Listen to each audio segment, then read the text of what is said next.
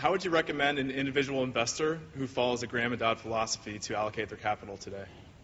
Well, if they, it depends whether they're going to be an active investor. Uh, Graham distinguished between the defensive and the enterprising investor. If you're going to spend a lot of time on investment, you know, I just advise looking at as many things as possible, and you will find some bargains. And and uh, and when you find them, you have to act. Uh, uh, it doesn't. It doesn't. It, it, hasn't changed at all since I was here in 1950, uh, 51, uh, and it won't change the rest of my life. So you just you start turning pages. When I got out of school, I turned every page in Moody's 10,000 some pages twice, you know, looking for companies. And you have to find them yourself. The world isn't going to tell you about great deals. You, you have to find them yourself, and that takes a fair amount of time. So if you're not going to do that, if you're just going to be a passive investor, then I just advise an index fund bought consistently over a long period of time. The one thing I will tell you is that the worst investment you can have is cash. Everybody's talking about cash being king and all that sort of thing, but I, most of you don't look like you're overburdened with cash anyway. So, but it, it, uh,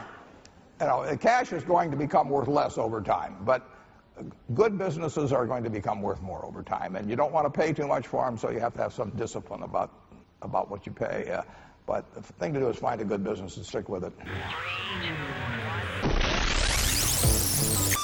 Välkommen till Prata pengar, podden där vi pratar aktier, fonder, sparande, pension och mycket mer. Här kommer Unga Aktiesparares VD Filip Scholtze och investeraren Niklas Andersson.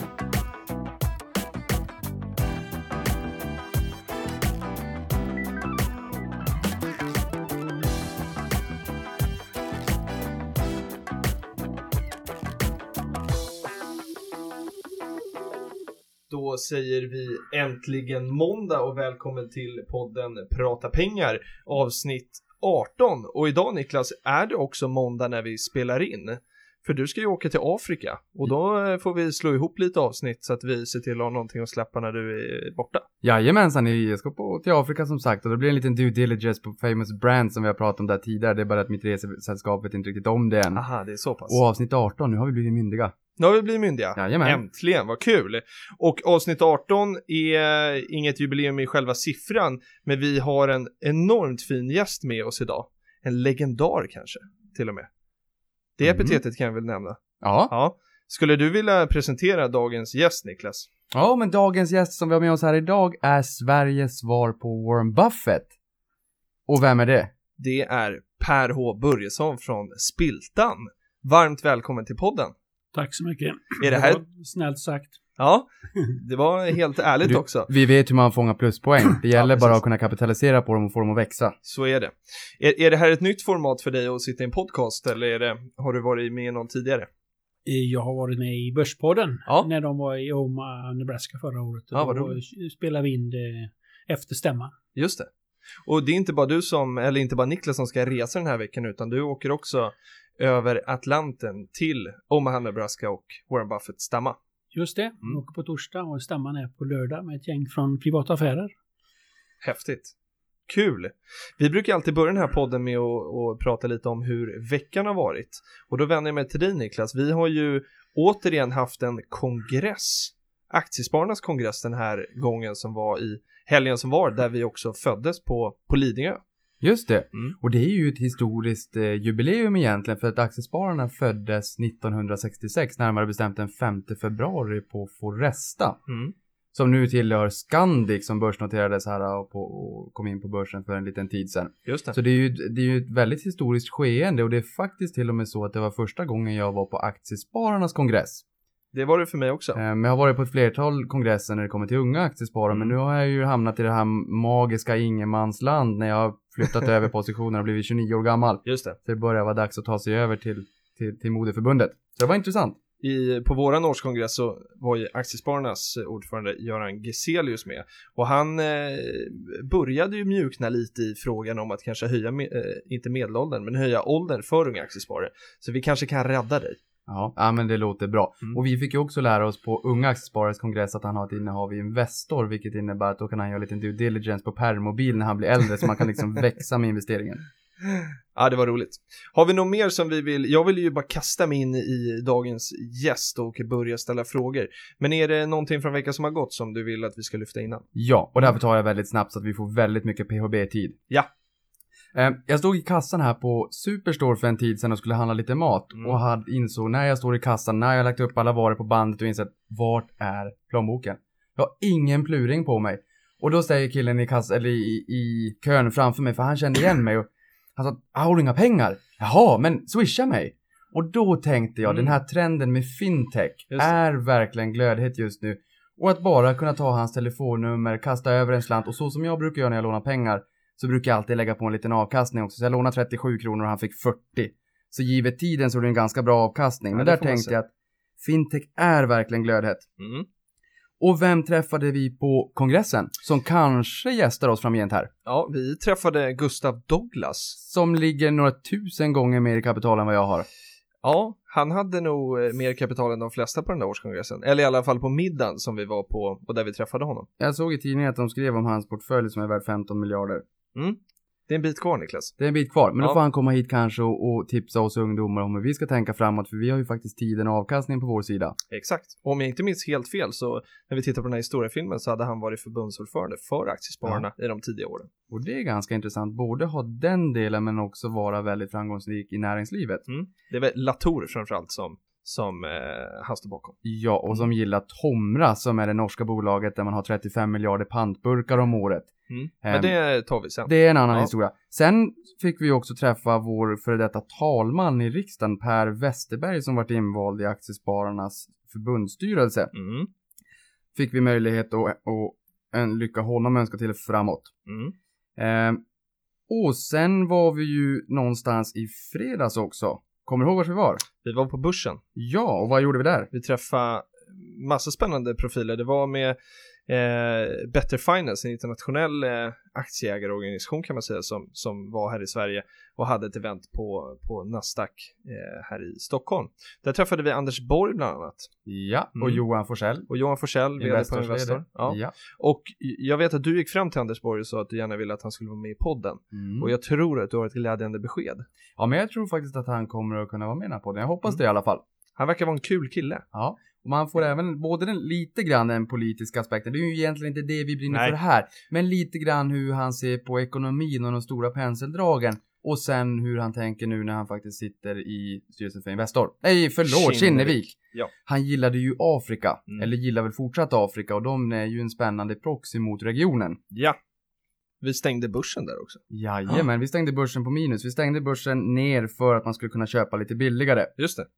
Så det var trevligt. Var det veckan som gått? Jajamän. Det Då eh, kastar vi oss in i dagens huvudämne och det är från Spiltan Per H Börjesson. Kan du för de lyssnarna som, som inte, där det inte ringer några klockor, berätta lite kort om, om vem du är? Ja, jag heter Per H. Börjesson och är VD för Investment AB Spiltan. eh, Som är då en eh, gammal kompisförening från början, en aktieklubb som vi startade för eh, 30 år sedan. Eh, Och eh, ja, vi var amatörer där 10 år, men sen i 1997 eh, har jag jobbat heltid med Spiltan. Och eh, enkla idén är hur kommer man åt onoterade bolag eh, som aktieplacerare. Det var vår idé från början och det är vår huvudsakliga fokus fortfarande. Så i, i portföljen så är det framförallt onoterade bolag då? Ja, just det. Fram till nu, men nu har vi Mm. Ja, fram till lite... ja, har lite... Det händer ju också att bolag noteras så att säga och då, då får vi en större andel noterade bolag. Såklart. Men eh, du menar alltså att det här började som en eh, regelrätt aktiesparklubb? Just det, vi Ja. startade med 40 000 kronor Ja. och eh, sen gjorde vi en placering i en premieobligationsserie, och dubbla, mer än dubbla pengarna första året och då tyckte vi att vi var superproffs och bilda Investment AB Spiltan då. Ja. Och sedan, eh, det var vi ju inte då utan vi var ju stora amatörer men vi höll på där under glada 80-talet och lärde oss att transaktioner, finansvärldens modersmjölk och som tur var lånade vi inte pengar 89 när, när sen gick ner. Va? Så då, annars hade vi gått i konkurs redan 1991. Men sen 1997 då så jobbar jag heltid med, med Spiltan och det har utvecklats och vi har även då startat Spiltan Fonder som håller på med fondförvaltning. Men Spiltan är i huvudsak onoterade aktier Mm. och Spiltan Fonder då är ju noterade aktier som man, om, man, om man är intresserad av det. Och det är väl kanske det som är mest känt i Spiltan, just fonddelen som, som ju har väldigt, eh, väldigt populära fonder. När startade Spiltan Fonder? 2002. Det var 2002. Mm. Det var ju en väldigt bra period, för 2002 vill jag i alla fall minnas att börsen bottnade där efter IT-kraschen. Eh, Så det måste ju ha varit väldigt bra läge också att kunna komma in och starta fondbolaget där. Jag vet på Avanza i alla fall, förmodligen säkert på Nordnet också, men vi har väl en 50 000 fondandelsägare. Eh, Just i Spiltans fonder, så att det, i min Jag vet inte värld- antalet som är på, på Nordnet då, men Nej. jag tror att det är väldigt många. Ja, det tror jag också. Jag vill ändå på mena att det är ju ett starkt varumärke och många känner ju till er. Mm. Och det är, jag tror att många har ett, ett stort förtroende för det. Och ni har ju bra priser på dem också. Vi som, vi gillar ju eh, när vi inte får, eller behöver betala alldeles för mycket. Och det tycker jag, när jag är inne och liksom filtrerar i listorna på de olika kategorierna, så hamnar ju Spiltans fonder eh, ofta väldigt bra till. Mm. Och det här är ju ett bra exempel också på, du sa att ni tradar där i, i ehm, eh, obligationer. Då kan, väl, kan man väl kanske dra sig till minnes också att det här negativa ränteklimatet vi har just nu inte har funnits i all evighet. Nej, Utan att det finns någonting som heter ränta också Mm. i positiva ordalag. vi har inte upplevt det än, du Niklas bara. Ja, det är nästan så att det är en generation som inte har upplevt en, en, en positiv ränta. Men vi vet att reporäntan var 4,75 i september 2008. Just det. Men, och jag är ju en person som älskar investmentbolag. Jag tycker att det är en eh, utmärkt eh, eh, placering för, eh, för, för mig och som gillar aktier. Och liksom med god riskspridning och rimmar väldigt bra med, med Unga Aktiesparares gyllene regler. Men Spiltan finns inte på börsen. Men man kan ändå, eller inte på den, eh, vad ska vi säga? Om man går in på Nordnet Avanza så kanske man inte hittar Spiltan i aktielistan. Men det går ändå att köpa era aktier. Just det. Vi handlas eh, en gång i månaden då på alternativa-listan eh, som en del av Peppins Group då. Mm. Och, eh, och det finns vissa fördelar med det då man får koncentrera handeln vid vissa tillfällen och vi får då långsiktiga ägare som vi tycker är bra. Alltså, jag tycker man ska köpa och behålla. Det var någon Mm. aktieägare som noterade nu när det gått upp kraftigt att det var bra att det inte handlar så ofta så Nej. då trycker man inte på säljknappen när man sitter på tunnelbanan. Eh, Så vi vill ju ha långsiktiga ägare som, som är med oss och, och bygger ett nätverk. Och därför tycker jag den här modellen passar oss. Och det sparar då otroligt mycket pengar eh, om man slipper att vara noterad på en med daglig handel. Just det. Hur många aktieägare har ni? 2000. 2000. Har ni, eh, i och med att det är lite Sveriges svar på Warren Buffett, har ni någon liknande storslagen årsstämma? Ja, det hade vi faktiskt redan innan vi kände till Warren Buffett. Det är så när man eh, har sina kompisar som eh, aktieägare. Då. Då ska man ha en trevlig årsstämma. Så vi började då i många år i en trädgård på Lidingö. Eh, Nu de sista tre åren, inklusive i år då, kommer vi ha en, i ett cirkustält på, på Djurgården. Mm. Och har en frågestund där vi har, delar ut ett pris, eh, Solos minnesfond till en entreprenör som har gjort en eh, bra insats på 100 000 kronor och sen har vi då formell stämma och sen avslutar vi med en cirkusföreställning för de som är Jaha. intresserade och, och eh, med barn och barnbarn eh, som då går till Barncancerfonden. Okej. Så det finns lite upplevelseavkastning att äga den här aktien också då? Det är våra målsättning, vi ska ha den trevligaste årsstämman av alla, alla bolag. Vad roligt. Och det är lite grann därför jag köpte faktiskt aktier i, i Spiltan redan 2013 där på vårkanten och det var faktiskt i mitt fall just för att kunna gå på den här årsstämman som ska vara väldigt trevlig. Och man kan väl tänka sig om man går på en stämma att just ordföranden eh, eller vd som ska hålla anförande, man, man rättar till slipsen innan man kommer ut och sen så går man upp på podiet och håller sitt anförande. Men Per, du kom ju inte riktigt ut och rätta till slipsen förra året. Hur kom du ut på scen? Eh, Jag red in på en kamel. Och det var lite kul. Jag var faktiskt på Systembolaget och vakten kom fram och frågade mig Var det du som kom in på en kamel? Nej, Då har vi viral marknadsföring. det är viral marknadsföring. Frågan är ju vad gör du i år? Det vill du ju inte berätta här så att det är så att den avslöjar, men, men tänker du bräcka föregående år? Ja, vi har lite planer på det, men Ja. jag kan nog inte avslöja det. Nej. Så är man inte redan ägare där, då kommer jag i alla fall gå på stämma nationaldagen så att man har Ja, förmiddagen uppbokad. Okej. uppbokad. Just det. Då, eh, jag är inte aktieägare i Spilta, men det ku- skulle jag kanske bli då. Och hur bär man sig åt då i så fall om man vill handla via alternativa? Eh, Ja, man anmäler sig som kund då på Ja. Pepins eller alternativa.se och sen blir man, det är gratis att att vara kund där och få erbjudanden. Eh, Och sen går man in och handlar då. Vi sätter priset under onsdag, torsdag Mm. och eh, nästa handelstillfälle är väl här i mitten på maj. Okej. Så man kan fortfarande bli aktieägare inför stämman den 6 juni. Och så sätts ett pris med med budgivning precis som man startar börsen och sen då eh, tors, eh, torsdag från 17.00 till måndag så handlar man på det priset.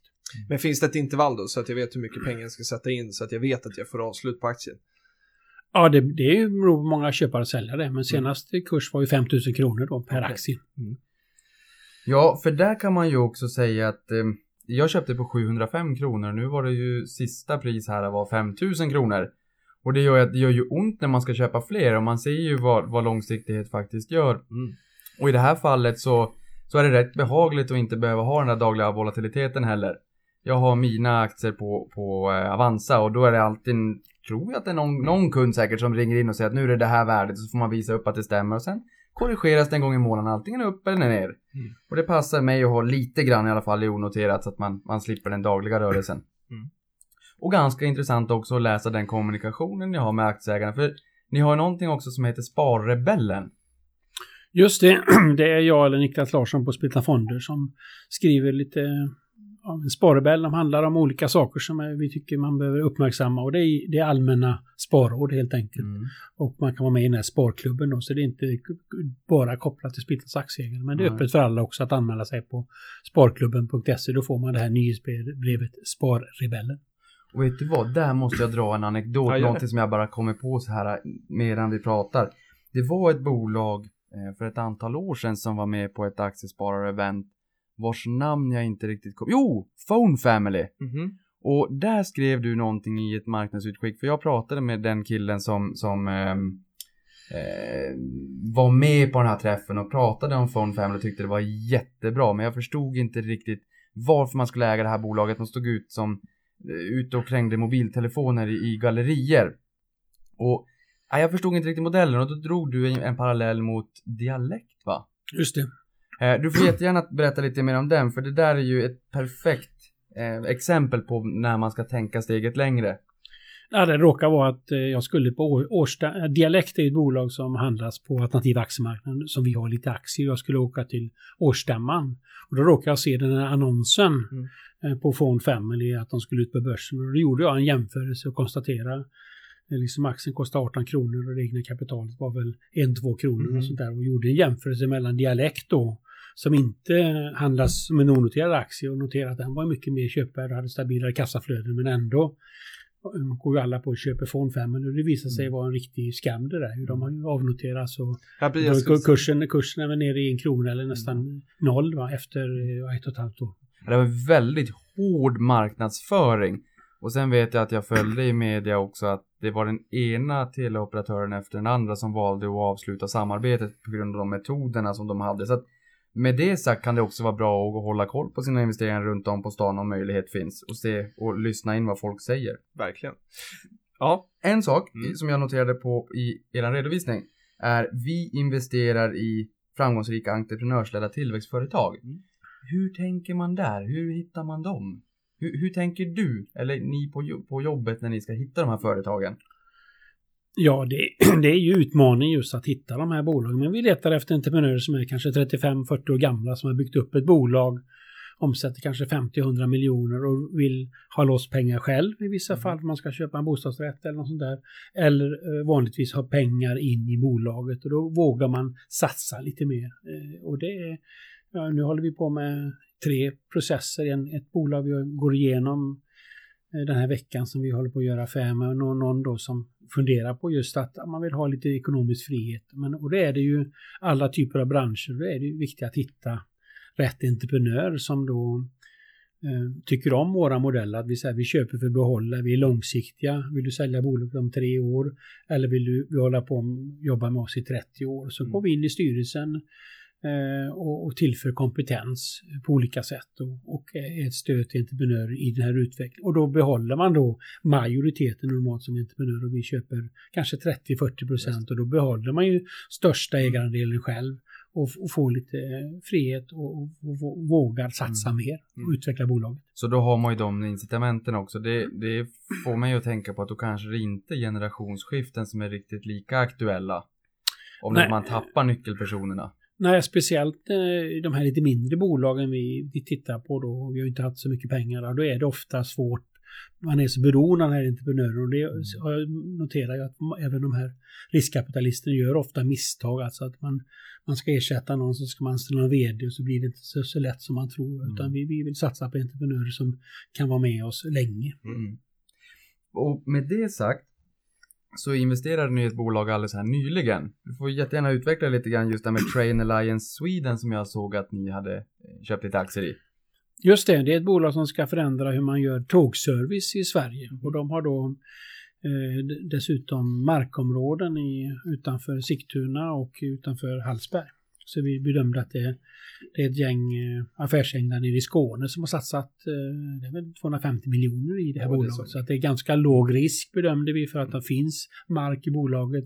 Och sen är utmaningen då att, att förändra hur man servar tåg som är jätte, jättekonstigt att man kör eh, gör fjädrarna i Umeå och man gör stolarna i Hallsberg och sen gör man bromsarna i Malmö och så är det gratis att köra tomma tåg Mm. eh, på Banverket så Mm. att det behövs verkligen tänkas om och där har man en modell då tack vare att man har en tysk ägare Mm. som då kan gå in och, och att man gör hela nya terminaler man kan göra allting samtidigt är idén runt eh, Train Alliance. Mm. Men hur hittar ni de här bolagen och, och jag tänker bolag generellt som eh, för att hitta de här entreprenörer 35-40 års åldern, kommer de till er ungefär som ett skivbolag får demos eller, eller hittar ni dem? Ja, vi har ju spritt det här då. Nu vi börjar bli mer kända. Vi har ett gäng av 10-15 entreprenörer som, som nu har varit med oss och som har goda erfarenheter av oss. Mm. Eh, I något fall eh, har de någon rådgivare som, kom, som känner till oss. I något fall har vi skickat ut brev till man läser en artikel i Dagens Industri till exempel så skickar man ut brev till de här bolagen för att se om ni är intresserade så hör av er till Spiltan. Ja, det händer det också att ni är så proaktiva alltså. Jaha. Mm. Intressant. Men, men den där mixen, hur skulle man kunna säga, mixen, när ni hör av er proaktivt ut mot, mot potentiella kunder kontra när de hör av sig till er? ja, säg att det är hälften som är via vårt nätverk och kanske eh, ja, lite mer det kommer via våra bolag eller det kanske, kanske en fjärdedel som kommer via att vi har varit aktiva. Mm. Har ni någon begränsning i vilken typ av verksamhet som, som ni vill äga i bolaget? Nej, det är alla typer av branscher utan Alla det är just typer, att hitta rätt entreprenör. Ofta får man ju ändra om affärsidéer och det gäller att hitta de här duktiga personerna som vill utveckla sina bolag. Men om man, om man går in idag då och, och köper aktien eller er aktie i investmentbolaget Spiltan, vad får man för portfölj då? Ja, nu är det ju lite unikt för investmentbolag i och med att vi har så stor andel i Paradox Mm. eh, som ska börsnoteras. Så att eh, det är väl 70-80% av värdet som just Paradox i och med att det bolaget hade en sån fantastisk utveckling. Men då får man ju en portfölj av, eh, man får spilta fonder, man får Coolstuff som gör tuffa prylar på nätet. Eh, det näst största innehavet är Kuststaden som är ett fastighetsbolag eh, som har fastigheter i Västervik, Oskarshamn och Visby. Så man får ju en, en mix. Men kommer ni att sälja ut någon del av era aktier i den här introduktionen av Paradox? Ja, vi säljer ungefär 20% av vårt innehav. Den slanten som ni säljer, de pengarna som ni kommer få in där, har ni någon given tanke med vad, hur ni ska sätta dem i arbete? Har ni någon, för du sa att ni hade några, några prospekt som ni satt och räknade på just nu. Sitter det, kliar det i fingrarna och du vill kö- trycka på köpknappen och vänta att pengarna ska in eller?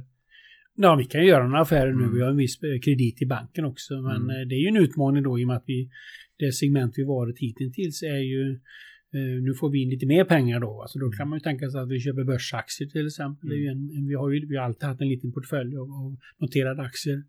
Eh, och det finns säkert bolag som vill ha en långsiktig ägare även bland börsbolag. Till exempel vid noteringar där man inte säljer efter en, några månader. Så där finns, tror jag det finns en möjlighet att titta på det. Hur tänker ni där nu i och med att ni då, att Paradox ska in på börsen eh, Eh, och att ni kommer ha en, en relativt stor del av portföljen som faktiskt är marknadsnoterad. Ehm, kommer det att vara så att ni kommer fortsätta behålla Paradox över tid? Eh, eller kommer ni att antingen minska Paradox andel av totalportfölj eller hur, hur, eh, hur kommer er portfölj se ut framåt om vi får vara visionära och tänka några år framåt? Ja, vi har ju sagt att vi ska kvarstå som huvudägare Mm. tillsammans med Fredrik Wester som är VD för Paradox. Så vi har inga planer på, på att sälja hela innehavet utan det är ju viktigt för oss med entreprenörerna att de kan lita på oss och att Mm. när vi säger vi köper vi behåller, vi är långsiktiga, då måste vi stå, stå för det.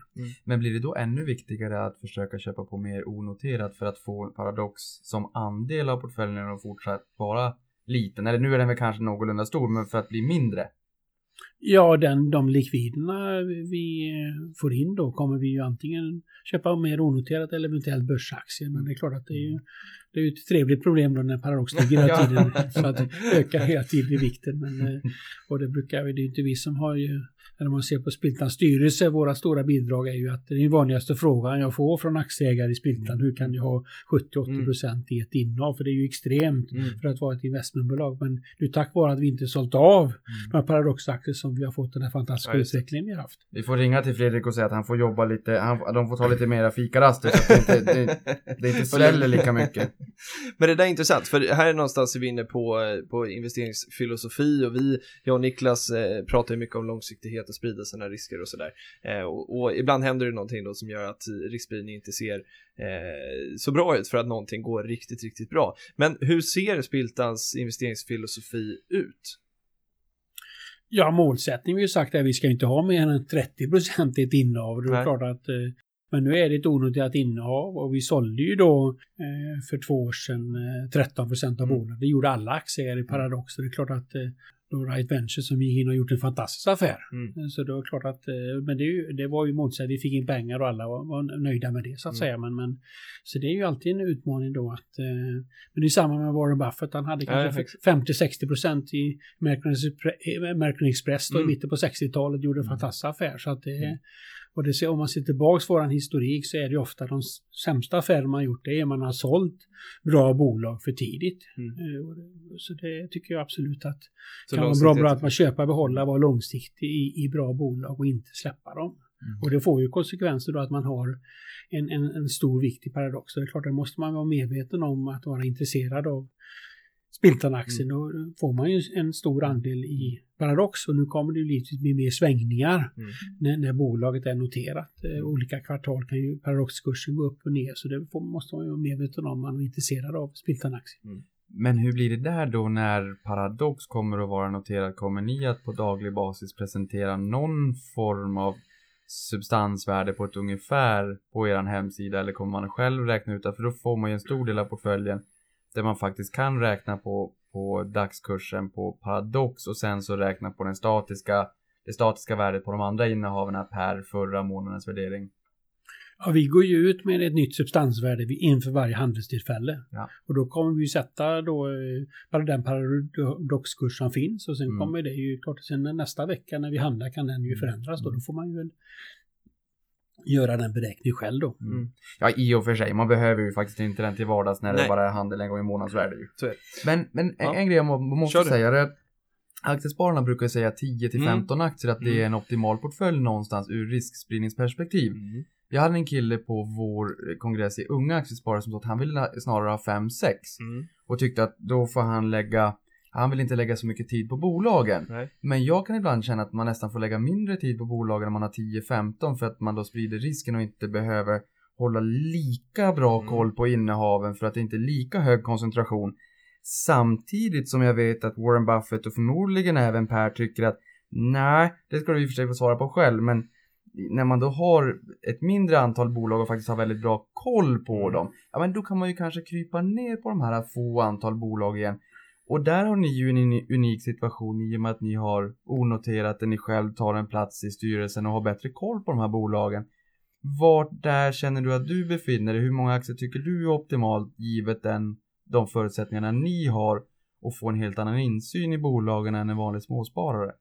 Ja, jag tycker det väl att det är riktigt att precis att ha en 8-10 innehav och varje grej tar ju tid så att säga. Och vi har ganska mycket små innehav också men vi har valt att inte sälja ut dem där. Men sen säger ju Warren Buffett att diversifiering är till för de som inte vet vad de håller på med. och, det, det ju, och det hävdar vi då när det gäller Paradox här. Vi, vet, vi, vi tror på bolaget Ja. och vi gillar bolaget. Vi tror att man har fantastiska framtidsutsikter och därför vill vi ha kvar som aktieägare. Det är inte, och jag tänkte fortsätta på Warren Buffett, för vi vet ju att det är en idol, jag vet inte om man ska säga det, men någon som du eh, i alla fall följer. Vad, vad mer i hans filosofi försöker du ta med dig till spiltan? Ja, det låter jätteenkelt det här. Man köper behåll bra bolag med affärsidéer du begriper och Mm. som är lönsamma. Men det är ju så otroligt svårt att ha karaktären. Mm. Att verkligen följa det här. Och det har ju tagit oss 20 år att bli hyfsat bra på det. Men ändå är det alltid någonting att det är någon förväntning eller något annat. Som, så det är jättesvårt. Va? Och det är det som är utmaningen. Att, att eh, verkligen följa de här enkla principerna. Köpa, behålla, vara långsiktig och, och göra de här bedömningarna. Och, Och det är väl de bedömningar som är, som är svåra och det är där jag är nyfiken på vad, hur du ser på det. För att vi har ju många lyssnare som är unga, vi har många lyssnare som precis har startat sin aktieresa liksom, resa och är väl i, i, i stund att liksom, köpa sina första aktier eller har precis gjort det. Hur, eller vad är då ett bra bolag enligt din mening? Vad tittar du på för att se om ett bolag är bra? Ja, om man ser på Buffett, det är ju gärna man ska ha någon eh, tullmur runt sina intäkter. Mm. En abonnemangsbusiness, typ eh, Fortnox, ett mm. bolag som jag, som jag rekommenderar som har gått kanonbra. Mm. Eh, investmentbolag är ju generellt sett att det är bra för du får riskspridning i de här bolagen. Och ja, typ Avanza Nordnet har jag ju rekommenderat också som bra bolag för att de, när man väl blivit kund där så flyttar man inte. Va? Man, då, då har du en säkerhet runt intäkterna att tänka de termerna. Mm. Och rent allmänt sett kan man ju säga att alla stora svenska bolag som är på large cap är, är, är svårt att hitta någon som är jättedåligt. Mm. Utan det är ju mer när man går på mindre listor och onoterat. Att man får vara lite försiktig och eh, fundera på att vara lite duktigare. Mm. För där kan jag tycka det just det här med tullbroar. Mm. Ehm, ett bolag som då kanske inte har de här tullbroarna blir väl för oss som också den här yngre generationen som är uppvan i den digitala eller uppväxt i den digitala åldern. Jag kommer ihåg, jag var väl, gick i ettan när internet kom, så jag är faktiskt uppväxt utan internet. Men ett bolag som kom hem, där man har du tjatar mycket om kom hem. Ja, men jag tycker inte om kom hem. det, det, blir, fast telefoni vill jag inte ha. Senast jag hade en fast telefon så betalade jag för ett år och hade inte ens kopplat in den i väggen och insåg att Niklas, säg upp det där nu. Och till slut så gjorde jag det. Mm. Eh, digital-tv, jag, mm. jag, vill inte ha tre hål i väggen. Jag vill ha en play-funktion. Jag vill kunna se det när jag, när jag vill, hur jag vill, mm. om jag vill och eh, ja, så. Och sen kommer det till bredbandet. Mm. Och det är en homogen produkt. Jo men då, då tycker jag, för att nu ska jag vara djävulens advokat här. För du gillar ju Bahnhof å andra sidan. Mm. Och det är ju också internet. Och då, vi, vi pratade om, du och jag pratade om det här ämnet i, i helgen på årskongressen. Och, och då, då sa vi att nu börjar det komma det här som är den öppna fibern, eller vad heter det, där, där man som kund bara kan gå in och välja vilken leverantör man vill ha. Mm. Och då sorterar man ju troligtvis på pris. Och även för Bahnhof där så gäller det då att se till att man har det lägsta priset, så att det blir inte det då bara en prisad produkt. Fast, fast lägsta pris så blir det ju väldigt skalbart också, för kommer mm. man in som en prispressare i marknaden och har ett öppet nät mm. istället för kom hem, mm. som kommer in och installerar, vill ja, ha mm. monopol på nätet i ett antal år. Vi betalar 28 000 om året i min bostadsrättsförening bara för att få in signalen. Mm. Bredbandsbolaget säger vi gör det gratis. Affärsmodellen håller Nej. inte. Det är, det är lite dinosaurie över det. Med, med, med dig då Per, vad, vad, har du några bolag som, som du känner att de här har byggt riktigt bra tullbroar? Och vad tycker du om Comhem? ja, kan man lägga till det här med Comhems kundservice är ju ja. under all kritik. Så jag vill nog hålla med det här att eh, Comhem är ett bolag som man inte tror på för att eh, de har, eh, vi hade lite personlig erfarenhet av det hemma. Jag blev riktigt upprörd att man var uppbunden och sådär. Så att, man, så att jag tror att de är på väg utför. Sen har ju du en ägarmanual också, precis som Warren Buffetts Berkshire Hathaway. Han hade levererat någonstans närmare 30 procent. Nu vet inte om det var 23 eller 30, det är extremt stor skillnad. Men, men han har levererat enorma avkastningssiffror 1987 när jag föddes. Redan då, för han skriver ju ett, ett årligt brev till aktieägarna. Och här har jag, och har även en manual då. Och här har jag sett att du också har en manual i Spiltan. Vad skriver ni där? Ja, det är ju lite grann eh, samma principer. Vi ser våra aktieägare som partners även om våran form är juridisk och talar lite grann om riskspridning och att vi är långsiktiga och att man ska, vi, vi välkomnar alla även om man och vi, och vi försöker bygga ett nätverk då, att man kan vara aktiv eller man kan vara passiv så att säga. Det är mm. några, några saker som vi tar upp. Vi har en sammanfattning alltid i årsredovisningen och man kan läsa de här 15 punkterna. Mm.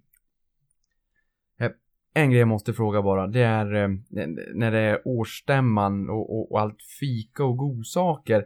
Får ni köpa in betydligt mer godsaker än vad folk anmäler sig till stämman eller hur ser det ut? För där har man ju hört mycket att det går väldigt mycket eh, gratis eh, pennor och godis och, och sånt där på stämmorna. Hur ser det ut hos er? Ja, vi försöker ju ha en, eh, någon present och vi försöker servera lite en, en god lunch och vi försöker verkligen eh, tycker den här stilen att man serverar kaffe och något kladdigt som inte pensionärerna ska ha med sig tycker vi är lite felaktigt. Så vi lägger ju ganska mycket pengar på det då i och med att det är våran image och Mm. ha en trev, trevlig cirkusföreställning för de som vill det. Så att vi Mm. lägger en hel del pengar men, men eh, för, för att skapa den här imagen att vi är lite annorlunda och ska ha en trevlig årsstämma och uppmana aktieägarna att komma till stämman. Ja. Nej men det var trevligt förra året för det är alltid en god lunch med lite sill och röror och en god eh, öl. Och sen ehm, fick man en filt också. Och den där filten har jag använt lite grann. En röd filt där det står Spiltan på. Och sen fick man en hamburgerpress också. Jaha, okej. Ja, Se där. så kan man börja grilla hamburgare. Kanske man, det, det kanske är embryot till nästa Max. För Max Mm. envisas ju om att inte börsnoteras. Ja, det är lite synd. Vi, Mm. För vi gillar ju deras hamburgare. Ja, det gör vi. Mm. De är uppe från Norrland också, eller? De är Ja. från Gällivare, men Gällivare. däremot så fick de inspiration från Lidingö. Det är för Okej. att han, farfar bodde uppe och kom från Gällivare men delade ut post. Ja. Sen åkte han till Lidingö på somrarna för då behöver de lite förstärkning och då fanns det en grill som hette Prestogrillen. Okej. Eh, och den tog han inspiration av, åkte hem till Gällivare och sen startade man Max. Mm. Och av den anledningen också så är det så att den hundrade restaurangen som Max har är förlagd på Lidingö. Jaha, Som öppnade för ett antal månader sedan. Men det var det deras hundrade och lite roligt för då knöt man ihop påsen. jag förstår. Jag förstår. Mm. Men eh, Per, nu när du ska åka till eh, Omaha, Nebraska och gå på Warren Buffetts bolagsstämma, vad händer där egentligen? Vad är det som är så häftigt med den här upplevelsen? Ja, man får ju sin uh, Buffett-injektion då. Årets injektion så att man inte blir någon, eh, gör fel så att säga. Men Nej. annars är det eh, lördag är den stora stämmodagen då, Ja. och då är det först eh, tidningskastning. Man kan eh, kolla när Buffett och Bill Gates kastar tidning då på en sån Mhm. här trappa och sen är det då en film på en timma. Och sen är det i princip frågor under, under sex timmar. Man får ställa frågor då till Charlie Munger och Mm. Warren Buffett. Eh, Och sen är det då eh, shopping. Eh, Man åker och shoppa olika saker då från alla hans bolag. Då. Coca-Cola och Okej. Seas Candies och Fruit of the Loops kalsonger och, allt möjligt. Och det, ju, och det gör vi även dagen innan. Brukar vi åka runt och titta på hans lokala bolag och testa Dairy Queens hamburgare också. Mm. Mm. Måste man äga A-aktier för att få gå på stämma eller räcker det med B-aktier? Nej, det är öppet för alla. Då. Det är öppet för alla. Mm. Kanske vi får göra en resa nästa år. Du var ju där förra året Niklas. Jag var inte med då, men det hade varit kul att åka dit. Ja, och sen vet jag att eh, Berkshire Hathaway har också någon koppling till Mars som är världens största godisbolag, men de är ju privat ägo. Hade man inte velat ha Mars och, och M&M's på börsen? Ja, det kanske man hade velat. Ja, jag jag äter inte tror det så mycket, men eh, Nej, inte jag heller. Lite due diligence, men då innebär då blir det multipelexpansion kring midjan och sen så måste man på gymmet och åh, träna för att få bort det där. Så att jag försöker titta på behörigt avstånd. så är det. Det håller inte riktigt, alltid. Niklas, nu börjar vi snart närma oss eh, ditt nyhetssvep. Eh, och jag tänkte kolla, men, men, men jag, jag känner att du har några frågor kvar som du vill ställa Ja, det, innan nyhetssvepet. ja, men det har jag. Mm. För det första så vill jag, vill jag poängtera där lite grann om Hundraåringen som var en film som var väldigt populär. Mm, Det var väldigt många som såg den. Mm. Och det är ju faktiskt till och med så att Spiltan har ju ett finger med i spelet när det kommer till den filmen. Är det så? Hur då? Okej. Ja, det håller jag på med nu i 15 år. Vi har investerat i, i, i svenska filmer. Eh, Och vi har ett gäng som heter Nordsvensk filmunderhållning som håller på med det. Så att vi har varit med både i Millennium och i Ove och nu senast Hundraåringen som har varit... En, ja, Ove var ju senast som var en fantastisk succé men det är ju den tredje mest sedda filmen eh, av alla. Eh, Men det är ganska, det är så en liten del i Spiltan så vi pratar inte det, eh, om det så mycket så att säga. Men om man är intresserad av det och investerar i svenska filmer så kan man kontakta Nordsvensk filmunderhållning. Och då bildar vi ett konsortium, de bildar ett konsortium för varje film som de går in i. Det är lite alternativt och ändå lite Ja, verkligen. spännande. Men hur lönsamt är det med filmproduktion? Ja, totalt har vi väl eh, investerat ungefär 50 miljoner kronor då under 15 år. Eller investerarna då framförallt. Eh, Som har fått tillbaka 100 miljoner. Okej. Men, men det är ju framförallt då stora succéer är då Millennium som Mm. står för ungefär hälften av de pengarna. Just det. Så att för övrigt är det några filmer som har gått helt back och några har gått ganska bra. Till exempel både Ove och Hundraåring har gått bra. Då, men det är ett antal filmer som man, där man har förlorat alla pengarna också. Ja, okej, det är så pass. Mm. Eh, Men där såg jag sen också, substansvärdet låg på 330 kronor år 2003.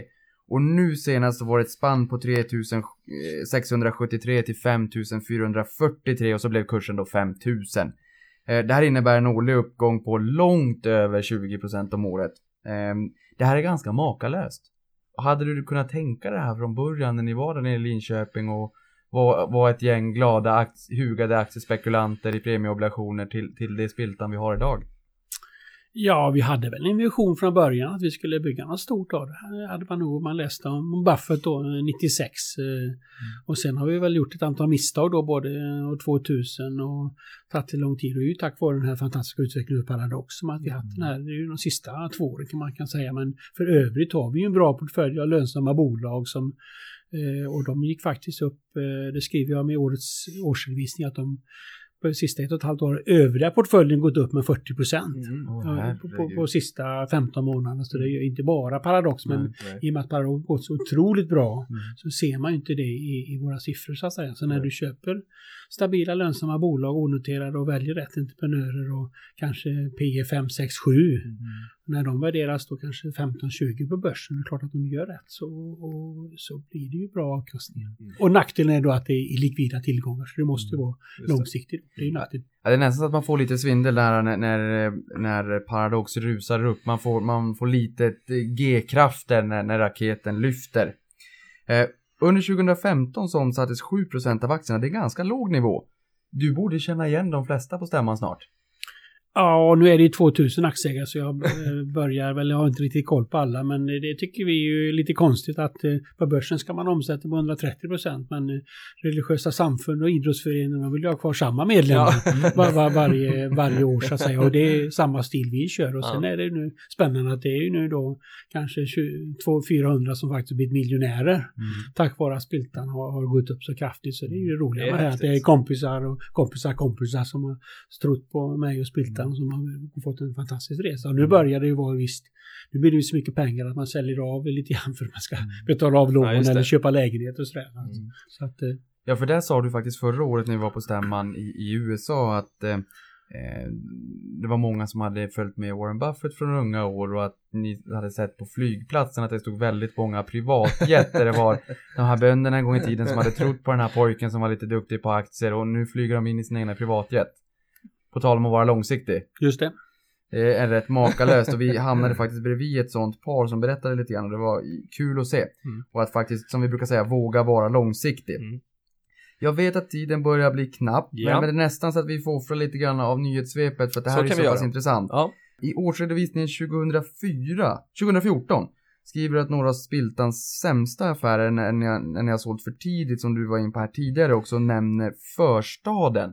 Vad händer där och vad hade det varit värt idag? När du säger att mm, det är lite trist ibland när man råkar sälja för tidigt. Ja, det var ju ett fastighetsbolag som vi gick in i 1998 som ägde fastigheter i Tyresö och i Salem. Mm. Och då kanske det var direktavkastning på 6-7 procent. Vi köpte det. Vi var minsta ägaren. Det var ledstjärnan och det var några andra stora investerare. Och då ville de ju sälja efter ett år. Och då fick vi väl avkastning 130 procent på ett år. Ja. Och min uppskattning är att det skulle ha varit 3000 procent om vi hade behållit de här fastigheterna. Avkastningskraven har gått ner och varit fantastiskt att ha kvar. Så det visar just att man inte ska sälja utan Nej. man ska köpa och behålla när man har bra bolag. Köp och behåll, det låter bra.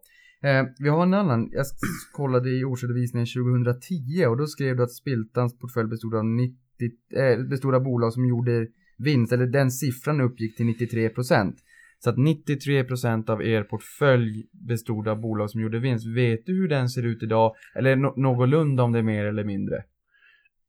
Ja, nu med, i och med att Paradox är så stor andel så det måste ju nästan vara 98-99 procent. Mm, vi har nästan mm. inga, vi köper, går inte in i den typen av bolag helt enkelt. Och det är klart att det är något som ligger kvar som har ett dåligt år. Men, eh, så det måste vara en försvinnande liten andel av portföljen som inte går med vinst. Ja, men det låter Det bra. där kanske är ett tips ändå, för jag vet att aktiespararna som har sitt verktyg Hitta kursvinnare brukar visa ibland på sina utbildningar hur många bolag det är på börsen som inte går med vinst.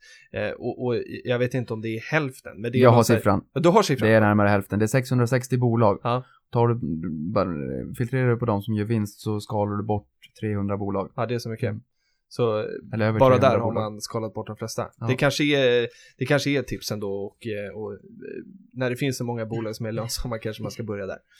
Ja, det blir lite, det blir lite lugnare resa förhoppningsvis. Ja. Och oftast är det ju så, även de bolagen som man brukar beteckna som för, förhoppningsbolag, Mm. så brukar den stora delen av avkastningen komma i förhoppningsfasen. Sen är det dags Oh, för att leverera Mm. så brukar det vara upp som en sol och ner som en pannkaka. Inte sagt att det är så i alla fall, men risken blir betydligt högre när bolagen ska, när det börjar vara dags på att leverera. Eh, Exakt.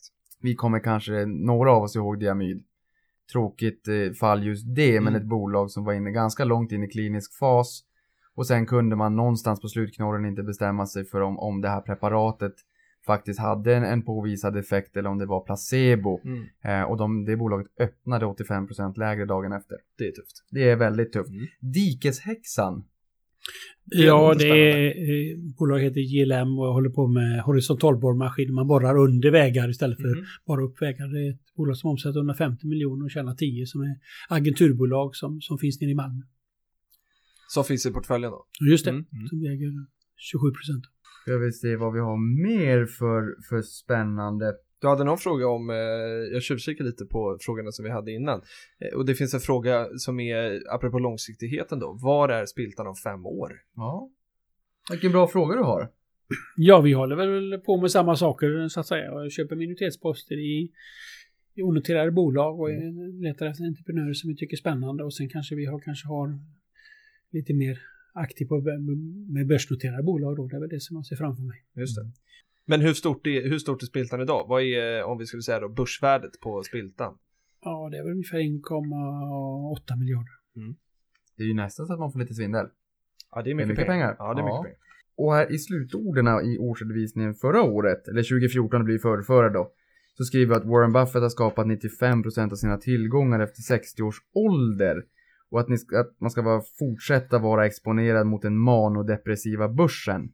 Och just det här lite grann med att börsen är ett psykologiskt väsen och att det inte alltid är rationellt mm, de svängningarna man ser på börsen, att man ska våga köpa lite grann när det gör som ondast. Tajma marknaden, hur ser du på det? Nej, jag vill hävda att det är i princip omöjligt. För problemet är att om du ska tajma marknaden så måste du fatta två korrekta beslut när du går in och sen när du går tillbaks in. Utan det är inte timing utan det är tiden du exponerar mot dagsmarknaden som ger de här mer ränta på ränta, de här fantastiska avkastningarna för långa tidsperioder. Du kan se på aktiestinsen och Hennes Mauros ägare och alla som har tjänat pengar på aktier. De har köpt och behållit och varit långsiktiga Mm. och struntat i det här med timing och ut och in och det skapar massor med transaktionskostnader och courtagekostnader och annat. Så Mm. det, det är vad jag, vad, vad jag tror på. Och det här är ju ganska bra, för jag menar, vi brukar säga till våra ungdomar som lyssnar att de har de två absolut viktigaste faktorerna på sin sida, tiden och avkastningen. Men vi vet ju att vi har många lyssnare som inte tillhör Mm. Unga Aktiesparare. Verkligen. De får lyssna likväl ändå. Absolut. Vilket är roligt att vi har en, en åldersmix Mm. bland lyssnarna. Men det är ju ganska trevligt också att se här att en stor del, nästan all eh, den, den avkastning som, som Warren Buffett har fått ihop faktiskt kommer efter 60 års ålder. Mm. Och jag menar i finansbranschen om man frågar kunden om de har en lång tidshorisont, fem år, ja säger kunden och tänker två, tre kanske. Och sen så händer något och så tar man ut pengarna. Ja. Eh, Så att även om man börjar vara om 60-65 och så har man ändå en väldigt lång tidshorisont potentiellt. Verkligen. Om det är så att man inte behöver sälja slantarna utan kanske kunna återinvestera och ta en del av utdelningen för att Mm. få en liten guldkant på tillvaron. Och det visar ju de här siffrorna som vi, som vi kunde läsa i, i, i Spiltans redovisning. Kul att se. Man måste inte vara 20 för att bli rik på aktier helt enkelt. Nej. Nej. Och en sista som jag vill fråga. Har ni hunnit trycka årsredovisningen för 2015? Den kommer ut nästa vecka. Har den lämnat tryckeriet? Det var bra. För det, det, om teoretiskt, nu är det här säkert för sent, men de som sitter och klipper ihop det här. Ja. Det är ju nästan så att man skulle skicka en liten, en, en liten, litet mail till dem och säga att kortet vi tog med Per här borde få komma in i årsredovisningen. Tycker inte du det Filip? ja, det tycker jag verkligen. Men det är nog för sent. Men Det kanske till något annat år. Ja, och till, något annat år kanske vi kan köra Prata pengar live på årsstämman också. Hoppsan! Då blir det cirkus, det kan jag lova. med det nästa år. Ja, ta Ja, med det nästa det år. låter Det vore bra. superkul. Niklas, ska vi köra ett snabbt eh, nyhetssvep? Ja men det blir Du jättesnabbt. har exakt eh, fyra minuter på dig Ja, men bra. innan Per måste gå. För jag skrev inte så mycket den här, den, den här veckan just för att jag ville få ut den mesta tiden med Per då. Mm. Men Swedbanks tillförordnade VD Birgitte Bonnesen har blivit permanent VD nu.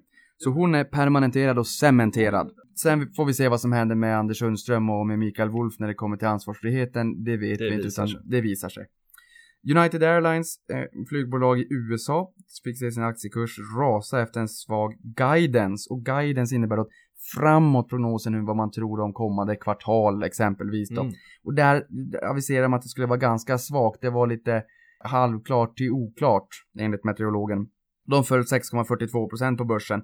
Och med det sagt så när jag såg det här så kom jag att tänka på, har någon av er sett det här klippt på YouTube? United Airlines Breaks Guitars. Nej. Eh, det var en person som, som skulle flyga med United Airlines och eh, hade med sig en väldigt fin gitarr. Eh, och när han tittade ut genom fönstret så såg han hur de kastade den här mellan, mellan varandra när den skulle in i planet och Mm. inte alls behandlade den här så, så bra som han kanske hade hoppats på. Sen gick gitarren sönder. Mhm. Och det här var en väldigt fin gitarr och han försökte få gehör för att, att kanske få en liten ersättning för det här, vilket han inte fick och de tyckte att de gav han kalla handen.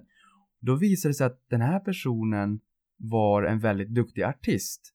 Så han spelade in en låt som man verkligen rycks med i. Mhm. Och det här klippet har spelats miljontals gånger på YouTube. Så att på tal om att man ska vara väldigt försiktig med hur man behandlar försiktig. kunder och, och vi, vi kommer in på kom hem där också att det här med, med kundnöjdhet kan vara väldigt viktigt. Det är inte en peak till kom hem alls. Eh, men, men det är väldigt, väldigt viktigt. Mm. Eh, fler aktörer förväntas lägga ner produktion av skifferolja i år. Shale gas på, på eh, amerikanska eller engelska, men, men skifferolja.